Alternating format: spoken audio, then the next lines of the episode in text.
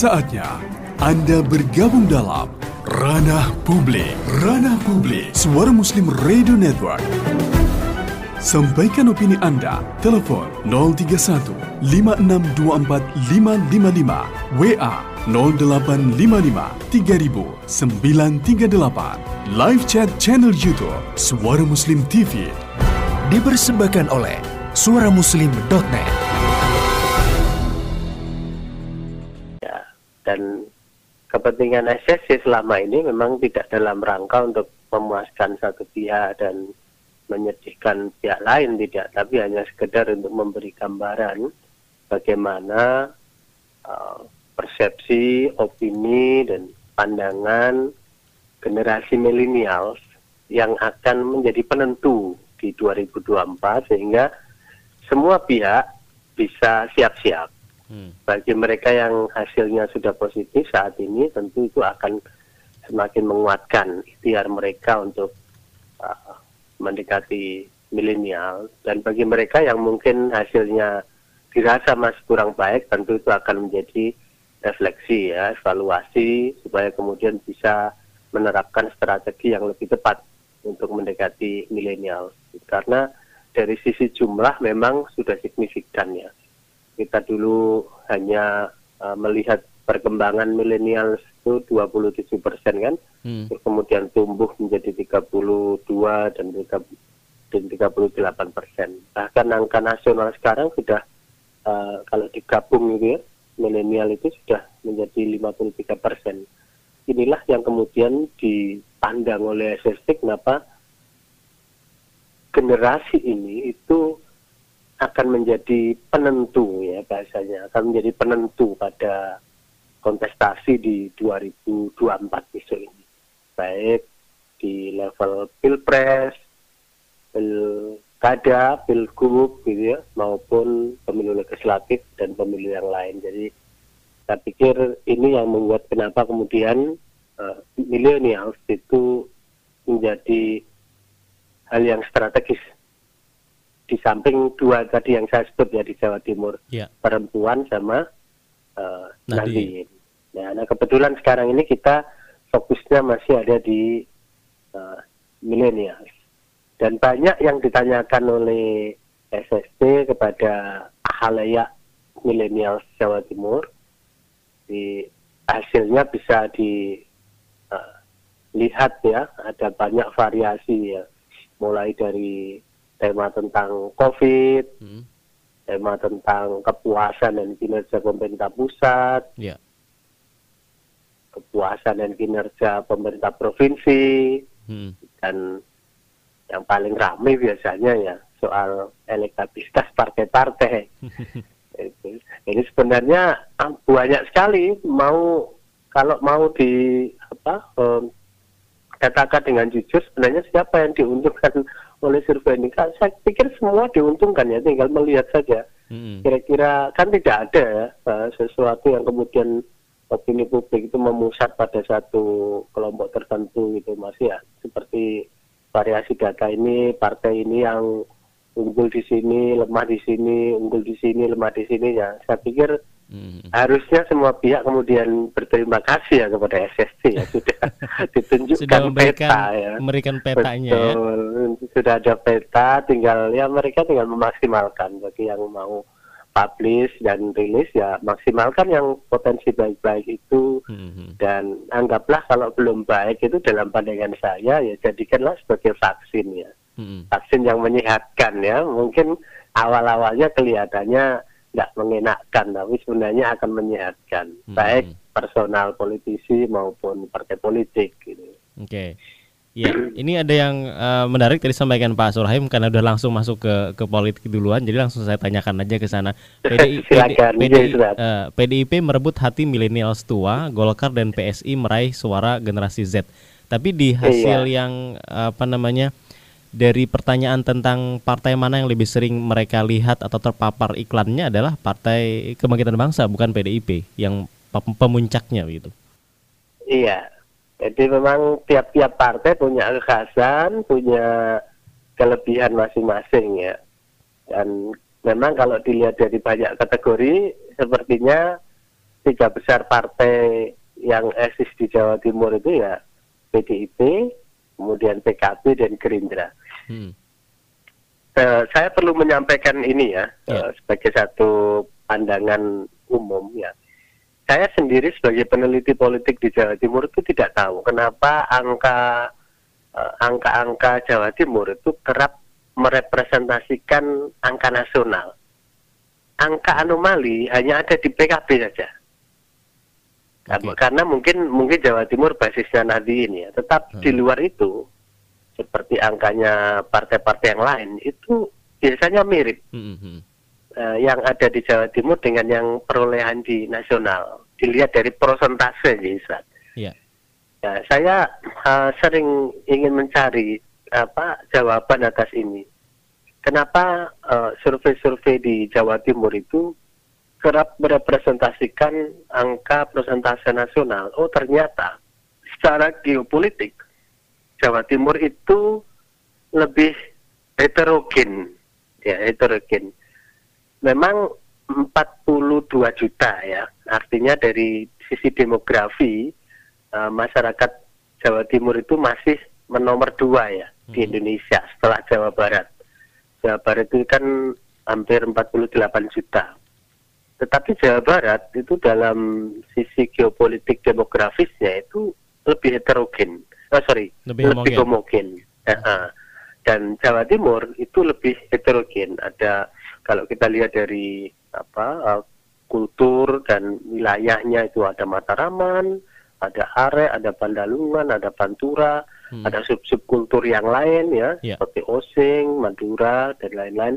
Nah, mungkin mungkin bisa jadi itu yang kemudian uh, kenapa Jawa Timur selalu merepresentasikan, merepresentasikan angka nasional hmm. sehingga sebenarnya menarik apa yang terjadi di Jawa Timur itu bisa menjadi etalase okay. bagi perolehan angka persentase nasional itu hmm, sehingga di luar PKB ya anomalinya hanya ada di PKB Ya karena basisnya Nadiin di, di Jawa Timur betul, tadi itu ya. Iya, betul. Mungkin karena PKB basisnya di Jawa Timur, tapi di luar PKB biasanya mirip-mirip angkanya itu. Nah, karena itu menurut saya kenapa kemudian uh, survei SSC itu selalu apa uh, yang dilakukan di Jawa Timur selalu bisa menarik perhatian. Hmm. Saya juga kaget ya hingga pagi ini itu uh, respon media terhadap hasil survei SSC itu di luar dugaan ya sudah ada 200 sekian pemberitaan hmm. media tentang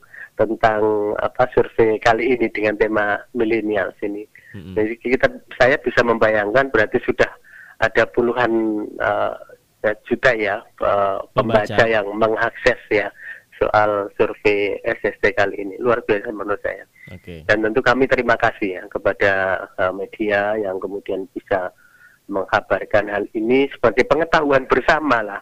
Hmm. Saya percaya bahwa SSC tidak dalam posisi ingin memuaskan semua pihak atau ingin membuat sedih semua pihak, tidak. Hmm. Itu dianggap saja sebagai sebuah potret ya. Yeah. Yang saya sebut tadi itu ya itu adalah gambaran apa yang terjadi saat ini di benak pemilih milenial Jawa Timur.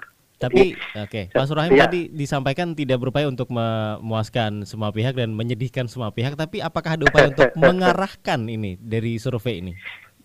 Um, pemilu ini kan masih lama ya, masih hmm. ada tiga setengah tahun lagi ya, 2024. Jadi kalau dalam posisi membangun agenda tertentu untuk 2024 masih jauh ya, kata hmm. orang-orang itu Belandanya masih jauh, pemilunya masih tiga setengah tahun lagi tetapi sebagai bagian dari edukasi publik, menurut SSC penting.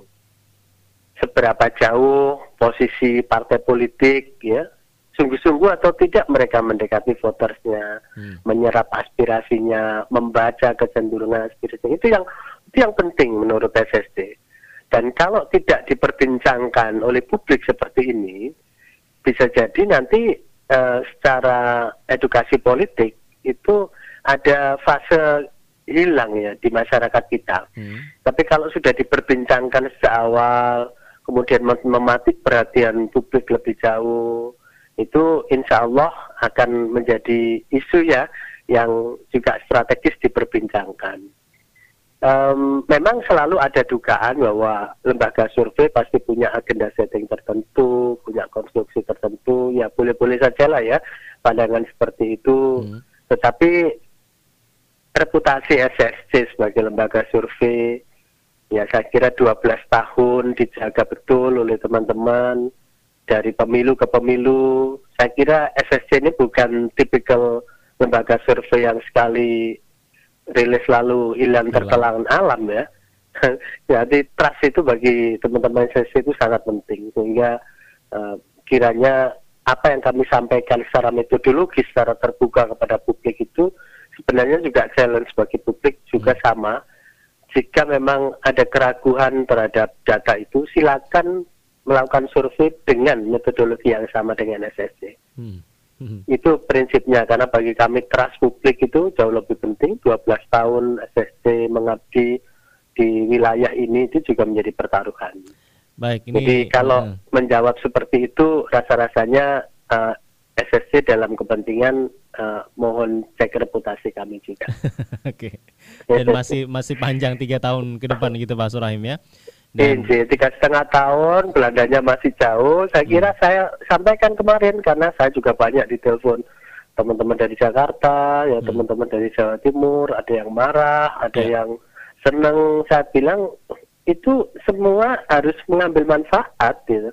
Bagi yang bagi yang tidak puas, bagi yang merasa angkanya dianggap negatif, jadikan itu vaksin, saya bilang itu. Berarti ada sesuatu yang memang mungkin salah dalam strateginya dan perlu diperbaiki. Saya kira kepentingan memahami itu positif seperti itu sehingga kemudian bagi saya ya hasil yeah. survei itu selalu uh, membawa manfaat untuk semua pihak, bukan dalam kepentingan untuk me, apa me, tidak memuaskan satu pihak dan memuaskan pihak lain, bukan begitu perspektifnya. Hmm. Oke, okay.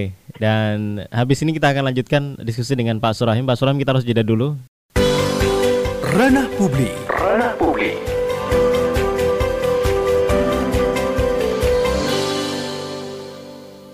Ya hari ini ranah publik Mitra Musim saya Muhammad Nasir yang menemani Anda bersama dengan uh, peneliti senior Surabaya Survey Center sekaligus Wakil Dekan Visip UTM Pak Surahim Abdul Salam yang tadi beliau menyampaikan uh, masa depan ya dalam tanda kutip penentu di pemilu-pemilu berikutnya. Tadi ada ada beberapa klaster dan klaster yang dirilis atau disurvei uh, pada bulan lalu itu adalah klaster milenial yang ternyata menarik uh, persepsi-persepsi mereka terhadap apa yang terjadi saat ini di Indonesia khususnya lagi di Jawa Timur ya karena memang lebih spesifik membahas tentang Jawa Timur. Tadi sebelum jeda Pak Surahim. Halo, ya. Oke. Sebelum jeda tadi ada saya baca salah satunya di antara hasil rilis ini adalah milenials di Jawa Timur itu tidak puas dengan kinerja pemerintah pusat dalam menangani pandemi tapi mengapresiasi pemerintah Provinsi Jawa Timur. Ini maksudnya seperti apa nih Pak? Ya, kalau dilihat dari angkanya, hmm. tingkat kepuasan kinerja pemerintah pusat dalam menangani COVID-19 di tingkat pusat itu yang menyatakan tidak puas itu 48,5 persen. Hmm. Yang menyatakan puas 40,6 persen. Sementara kalau di Jawa Timur yang menyatakan puas itu 46,1 persen dan yang menyatakan tidak puas itu 42,9. Jadi sebenarnya angkanya memang ada di kisaran 40-an itu hanya uh, yang di tingkat pusat itu leading yang tidak puasnya, sementara yang di pemerintah Jawa Timur itu leading puasnya. Tapi angkanya sebenarnya tidak terlampau jauh ya. Hmm. Kalau di Jawa Timur itu 46 yang puas 4 dan tidak puas 42 itu hanya selisih 4 persen saja. Mm-hmm. Nah sebenarnya kalau dilihat dari angka itu sih e, menjadi challenge ya tantangan ya bagi semua pemerintah baik pemerintah pusat maupun pemerintah provinsi bahwa masyarakat masih belum betul-betul puas ya belum belum firm terhadap apa yang dilakukan oleh pemerintah pusat sehingga kalau membaca data seperti ini tidak ada jalan lain kecuali lebih bekerja keras. Hmm. Dan itu terkonfirmasi dari sumber informasi yang didapatkan kan ya bahwa sumber informasi dari pemerintah terkait dengan penanganan COVID itu termasuk yang apa minimalis gitu ya, yeah. termasuk yang paling rendah. Gitu. Tetapi itu agak berbeda ya dengan data personal ya. Jadi milenial mengatakan tidak puas ya terhadap kinerja pemerintah pusat, tetapi uh, mengatakan puas terhadap kinerja personal Pak Jokowi. Demikian oh. juga terhadap kinerja Bu Khofifa. Mm -hmm. Jadi Bu Khofifa itu memperoleh tingkat kepuasan 61,6 sementara kalau Pak Jokowi itu 65 persen. Jadi yeah. Uh, angkanya lebih tinggi secara personal. Ini hmm. mengingatkan saya terhadap apa yang terjadi di Kota Surabaya beberapa waktu yang lalu. Hmm. Jadi kinerja pemerintah Kota Surabaya dalam menangani COVID dianggap uh, ini minimalis ya 62 persen ya. Jadi tapi kepuasan terhadap kinerja Bu Risma waktu itu justru 80 persen. Ini sama ya datanya dengan yang terjadi saat ini. Yeah. Uh, itu menunjukkan bahwa millennials itu sebenarnya sangat kritis ya terhadap pemerintah. Artinya mereka selalu memandang pemerintah itu tidak progresif progresif banget gitu loh untuk hmm. untuk menangani berbagai hal, terutama berkaitan dengan pandemi. Hmm. Dan ini harus dibaca sebagai sesuatu yang serius menurut saya. Kalau hmm. pemerintah itu apa uh, secara kelembagaan terus dipandang minor seperti ini, maka uh, itu bisa berpengaruh ya terhadap persepsi apa anak muda ya milenial terhadap uh, government ya pemerintahan. Dan menurut saya pemerintah harus sungguh-sungguh menggarap itu. Hmm. jangan sampai ada gap yang terlalu jauh ya antara kelembagaan itu dengan personal pimpinannya itu. Menurut saya uh, itu tantangan yeah. itu challenge. Dan jadi uh, Mhm, artinya Pak Surahim uh, persona atau citra dari uh, pemimpin-pemimpin ini baik di pusat ataupun juga daerah itu mengalahkan dari mengalahkan tadi kinerja uh, jajarannya. Padahal itu kan jajarannya iya, juga termasuk betul. bagian dari kerjanya dia sebagai pemimpin kan?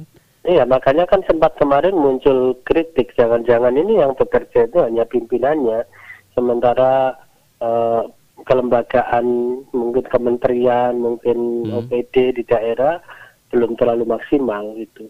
Dan itu terkonfirmasi juga sih dari hasil survei kali ini ya tentang kinerja lembaga-lembaga baik di tingkat pusat maupun di daerah itu yang banyak dipotret oleh milenial sini ya mereka yang sering tercover media ya hmm. terutama Kementerian Sosial, Dinas Sosial, Kementerian Diknas atau mungkin Dinas uh, Kesehatan dan Dikbud itu yang paling sering dilihat milenial sehingga terhadap OPD-OPD yang lain atau kementerian-kementerian yang lain ya anggaplah itu sebagai tantangan kenapa hmm. kemudian milenial masih memberi angka uh, yang jauh ya untuk kementerian-kementerian di luar pendidikan, kesehatan, sosial gitu. Hmm. Ya, saya pikir itu sesuatu yang kemudian harus dibaca lebih cerdas ya. Ya, ini juga ada yang kembali menarik maksudnya seakan ya. maksudnya perlu penjelasan ya apa kontradiktif atau tidak. Milenial puas dengan beberapa kinerja menteri termasuk di antaranya uh, Prabowo, Sandiaga, Tri Risma dan Sri Mulyani. Saya akan menggarisbawahi ya. Sri Mulyani, Pak Surahim karena di, di sesi, uh, bukan di sesi ya, di pertanyaan berikutnya itu pemerintah uh, milenial juga menganggap kondisi ekonomi masih uh, buruk, buruk dan perlu di ya. ini kan maksudnya ranahnya Bu Sri Mulyani kan, tapi uh-huh. dia diapresiasi sebagai seorang menteri, tapi ekonominya dianggap masih buruk, belum bisa uh, survive di masa pandemi. Ya ada ada sebenarnya tidak selalu linear ya tentang tema dan hmm. personal hmm. gitu itu. Jadi eh, kadang-kadang uh, orang kan tidak selalu bisa mengkoneksikan bahwa terkait dengan kondisi makroekonomi tugas Bu Sri Mulyani gitu. Yeah, yeah. Ya bahwa uh, saya pikir ini karena covering media ya. Hmm. Pak Prabowo Subianto, Bu Sri Mulyani itu orang yang sudah sangat sering ya masuk ya, ke dalam hasil survei ya memang ketika tidak ada nama Pak Jokowi di situ memang nama-nama yang efek ya efek-efek pemilih sebelumnya pasti pasti selalu masuk jadi seperti Pak Prabowo Subianto, Bu Sri Mulyani itu bagi saya bukan sesuatu yang mengejutkan hmm. memang beliau tokoh nasional yang sudah dari waktu ke waktu hadir di dalam apa eh, angka survei hmm. bahkan ditanya seperti apa pun gitu ya, Pak Prabowo Subianto dan Sri Mulyani selalu bisa masuk, anak angkanya tinggi. Jadi ada di top of mind ya? oh iya di top of mind ya tidak usah ditanya tuh mereka kebayangnya pasti Pak Prabowo, Pak Jokowi begitu karena memang sudah lama dari waktu ke waktu. Itu yang mengagetkan ya? saya itu ya Bu hmm. Tri Risma hari ini, ini sebagai mensos yang baru dan pendatang baru menurut saya beliau yeah. ini di level nasional, hmm. kemudian bisa menyodok menjadi apa uh, empat besar bahkan terkait dengan tingkat kepuasan hmm. dalam pandangan milenial Jawa Timur itu beliau nomor satu 61,4 persen. Iya. Di atas uh, mengalahkan yang lain-lain, uh. bahkan Pak Prabowo 45 persen, Pak Sandiaga 45,8, Bu Sri Mulyani 47, mm -hmm. nah Putri Risma hari ini 61,4. Ya bisa jadi karena mungkin Bu Risa asalnya dari Jawa Timur ya. Jadi yang milenial Jawa Timur memberi apresiasi itu ke Bu Risma. Oke, jadi ada ya. apa istilahnya? Secara uh, psikologis ya namanya dekat ya. Uh, proximity ya, kedekatan hmm, proximity, ya. kedekatan mereka dengan tokohnya. Artinya bahwa kalau data seperti ini, wah berarti menurut saya juga Bu Tri Risma hari ini ini juga ancaman yang serius ya untuk Bu Kofifa pada event pilgub mendatang karena menurut saya mengejutkan. Yeah. Ada beberapa orang yang dalam hasil survei kali ini mengejutkan. Hmm. Selain Bu Tri Risma hari ini di toko lokal itu yang mengejutkan saya juga Pak Torek ya, Bupati hmm. uh, Lumajang ya. Hmm. Saya kira uh, saya kaget juga berkali-kali. Kok bisa ya apa nama Pak Torik bisa menyodok ke ke padahal sebelumnya saya tidak pernah membayangkan itu. Jadi uh, dari nama-nama yang beredar dalam survei SSC kali ini yang mengagetkan saya itu ya Puri Tri Risma hari ini sama Pak Torik ya Lumajang untuk uh, nah, Jawa Timur ya? Yang di Jawa Timur ini. Oke. okay. Ya, kalau, yang lain-lain saya kira masih saya masih sering bisa membaca dan memprediksi itu, tapi dua nama itu memang cukup mengejutkan pandangan saya. Oke, ini ada top of mind Gubernur Jawa Timur pilihan milenial. Uh, memang di top of mind ada Ibu Khafifah, tapi yeah. yang menyusul nomor duanya ini adalah Ibu Tri Risma hari ini ya. Betul. Prestasi yeah, juga sangat. Dikiting dari belakangnya. itu kalau nah, jadi menarik gitu ya di level nasionalnya Putri Risma hari ini itu leading dari Bu Khofifah. Hmm. Tapi di level Jawa Timurnya Bu Khofifah masih leading dari Bu Tri Risma hari ini. Ya ini kan menarik ya kan? Yeah. Jadi ini sekaligus menunjukkan ya kalau nanti uh, tergantung ya Bu Khofifah mau running di mana di level nasional atau seperti level Jawa Timur. Tapi yang menarik bahwa bahwa dua tokoh Sri Kandi itu ternyata memperoleh respon yang cukup bagus ya okay. dari milenial dan bisa jadi nanti ada faktor-faktor lainnya juga yang akan bisa hmm. menambah keseruan itu. Hmm. Jadi saya membayangkan kalau seandainya nanti Bu Hovifa tidak jadi running Pilpres 2024, kalau masih mau melanjutkan periode dua, ternyata juga mendapat pesaing yang juga tidak kalah kalah sengitnya ya. Oke. Okay. Kecuali kalau misalnya hari ini. Mm -mm. Kecuali kalau Ibu Tri Semar ini runningnya di pusat ya, tentu dengan perjuangan yang luar biasa harusnya. Iya. Oke, Pak Surai. Waktu masih hmm. lama kan ya tiga setengah tahun lagi. Semua kemungkinan masih terbuka lebar itu. Betul. Ranah publik. Ranah publik.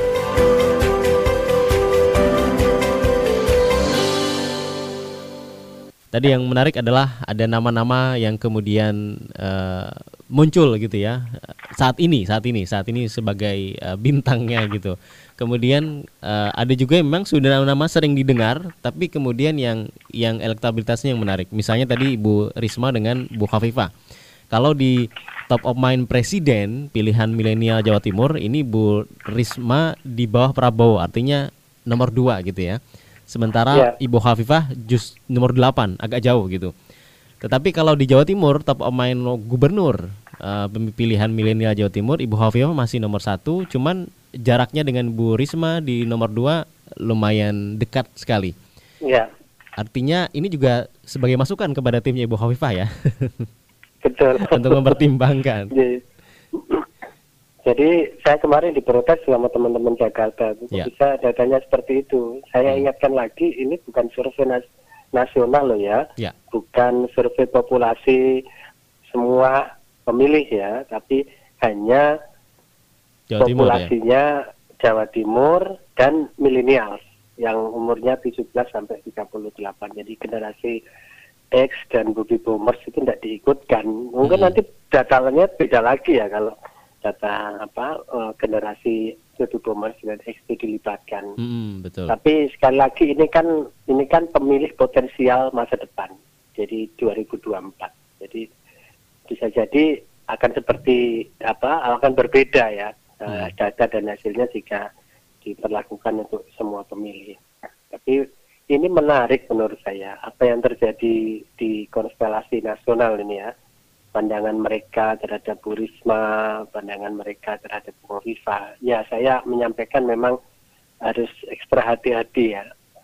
Uh, tingkat kepuasan terhadap Bu apa Kofifa yang yang masih segitu hmm. uh, itu menurut saya belum masih dalam tahap zona aman gitu ya. Oke, di periode kedua butuh nanti. Bekerja, butuh bekerja keras lagi, apalagi di bawah di belakang beliau hmm. itu ada Putri Risma hari ini yang punya panggung nasional yang tentu saja apa uh, covering medianya akan jauh lebih kuat di level nasional. Ya, apalagi Pak Surahim panggung, lagi, Pak Surahim apalagi panggung nasionalnya sama seperti yang dulu digunakan oleh Ibu Khafifah sebagai Menteri Sosial. Iya itu kan menarik ya. Jadi apa yang terjadi kemarin pada saat apa gempa ya, hmm. Eh, seolah-olah kan dua Srikandi itu cepet-cepetan ya hmm. antara Bu Kofifa dan Bu Tri Risma hari ini ya, baik ke Malang Selatan maupun ke daerah-daerah lain itu. Hmm. Posisi Bu Risma waktu itu kan masih juga di NTT, tapi semalam langsung bisa sampai di Jawa Timur seolah-olah memang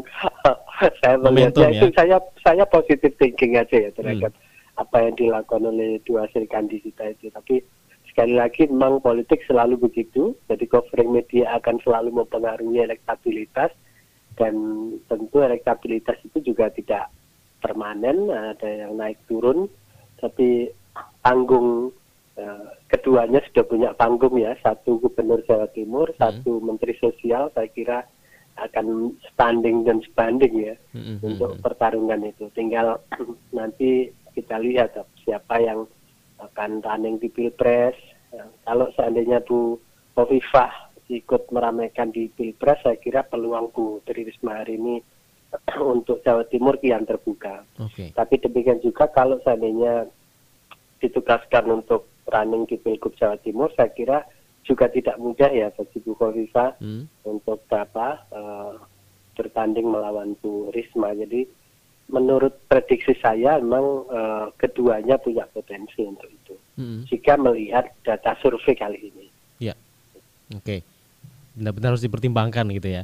Dan iya, uh, tadi sempat juga disebut ada nama yang yang muncul gitu ya yaitu gubernur eh gubernur Bupati Lumajang. Bupati uh, Lumajang, ya. Cuman kalau saya lihat ya. dari elek, uh, elektabilitas wakil gubernur Jawa Timur pilihan milenial uh, maksudnya angka Pak Torik ini masih masih kecil begitu Pak Surahim ya 1, iya. sementara Pak Emil kan masih 8 ya masih pemuncak dengan jauh sekali jaraknya dengan bahkan dengan ya, kalau putih yang nomor 2. baru nyampe 2%. Hmm. Kalau elektabilitasnya uh, historical hak masih satu persen ya. Iya. Jadi tapi yang menarik menurut saya ya tadi itu top of mind ini. Top of mindnya dia itu sudah dua persen itu betul betul-betul mengejutkan menurut saya.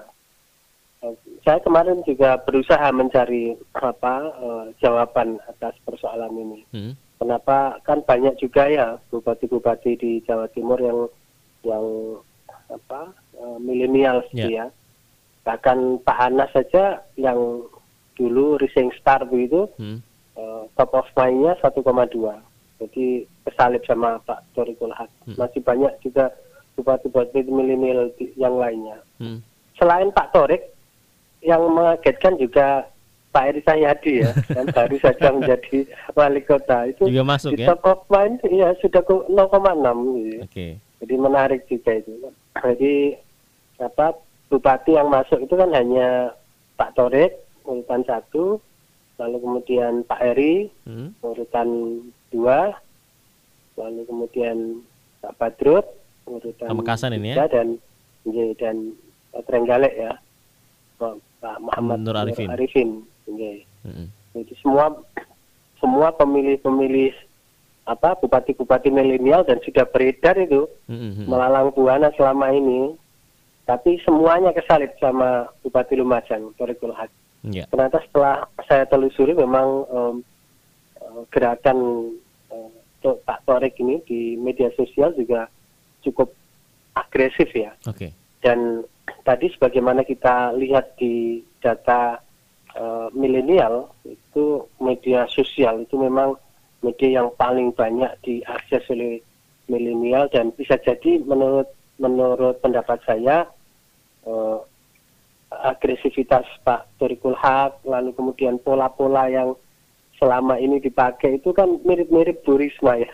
Hmm, hmm. Cara membuat apa perhatian publik itu hampir ada mirip-miripnya dengan Bu Risma. Selain itu mungkin sebaran ya, sebaran sebaran responden ini kan penelitian di Jawa Timur. Ya.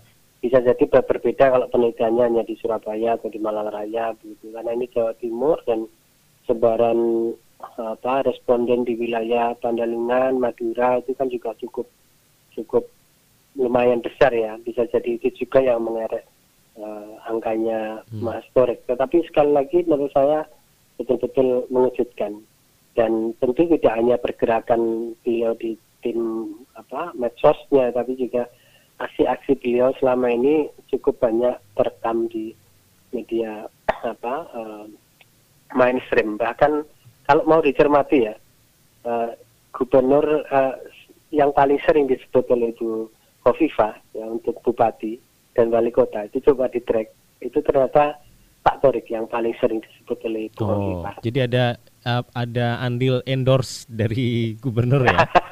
saya kurang tahu ya Iya ya. Mau saya kurang tahu soal itu, tetapi saya betul-betul penasaran kemarin terhadap nama Pak Torik, lalu Hmm. saya iseng-iseng lah cari ada apa sebenarnya Torikul Haq ini. Mhm. Bupati masih muda, yang selama ini kok saya pikir uh, orang selalu memperbincangkan Pak Anas, uh, Pak Muhammad Nur Arifin gitu, Hmm. yang lain-lain yang sudah uh, Duluan. beredar sudah beredar duluan gitu tapi kok pada kesalip gitu. Hmm.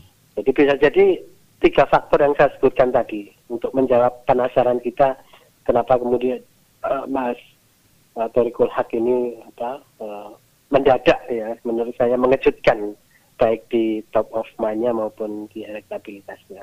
Baik. Tetapi sekali Hmm. lagi Belanda masih jauh ya tiga Ya. setengah tahun lagi kemampuan kalau Pak Torik juga punya keinginan ke arah sana tentu butuh ini ya butuh kerja keras karena kita kan tidak bisa hanya melihat top of mind elektabilitas itu Hmm. semata-mata dari angkanya tapi juga harus melihat undecided dan swing votersnya itu jadi masih cukup besar 74 persen sama 33,6 persen Hmm. jadi biasanya angka itu relatif stabil itu kalau yang jawab tidak tahu dan tidak menjawab yang biasanya kita sebut sebagai undecided voter dan swing voters itu Hmm. di bawah 20 persen. Tapi ini kan masih besar yang menjawab tidak tahu dan tidak menjawab ini masih 74,4 persen di top of mind Oke. dan yang menjawab 33,8 persen di elektabilitas masih masih besar sekali. Kalau nanti yang Tidak menjawab ini tidak ya. tahu dan tidak menjawab ini sudah 20 persen, saya kira itu sudah semakin dekat dengan realitas. Pengalaman saya kalau sudah di bawah 18 persen itu biasanya sangat faktual mendekati realitas. Hmm, hmm. Tapi kalau masih masih di atas 30 persen, apalagi top mainnya masih di atas 70 persen, ini Hmm. masih sangat dinamis, Baik. masih sangat dinamis. Ya, artinya disimpan dulu kebahagiaannya, disimpan untuk eh, terus bekerja timnya ini ya untuk Makanya saya bilang tadi yang sudah bagus, Ya. kerja keras, yang belum evaluasi. Hmm. Nah, saya kira masih cukup waktu ya, tiga betul. setengah tahun itu panjang. Masih masya Allah ya masih ada tiga kali puasa insya Allah nanti. Oh, masih tiga kali puasa lagi ya. ya tiga kali mudik Iya. juga nanti. Oke, terima kasih Pak Iya, Surahim baik, untuk mm, gimana? Sama-sama, sama-sama. Tapi saya perlu menyampaikan juga Iya. kepada uh, semua pendengar suara Muslim bahwa di dalam membaca hasil-hasil survei jangan selalu berperangah pada angka-angka. Mm-hmm. Tapi memaknai angka-angka itu jauh lebih penting dan melihat bagaimana uh, undecided dan swing tadi itu yang menjawab tidak tahu dan tidak menjawab tadi itu juga perlu diperhatikan. Jadi jangan selalu fokus pada angka-angka yang hasilnya, tapi juga dilihat itu supaya kemudian pemahamannya lebih komprehensif. Ya. Terima kasih Pak Surahim untuk wawasannya Sama-sama. pagi hari ini. Semoga sehat selalu dan bisa berdiskusi di lain kesempatan. Assalamualaikum. Waalaikumsalam, salam sehat dan selamat menjalankan ibadah puasa. Amin ya Waalaikumsalam warahmatullahi wabarakatuh.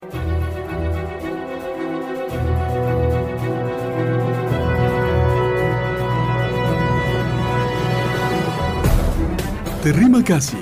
Anda telah mengikuti Ranah Publik. Ranah Publik. Suara Muslim Radio Network. Dipersembahkan oleh suaramuslim.net. Sampai jumpa di ranah publik berikutnya.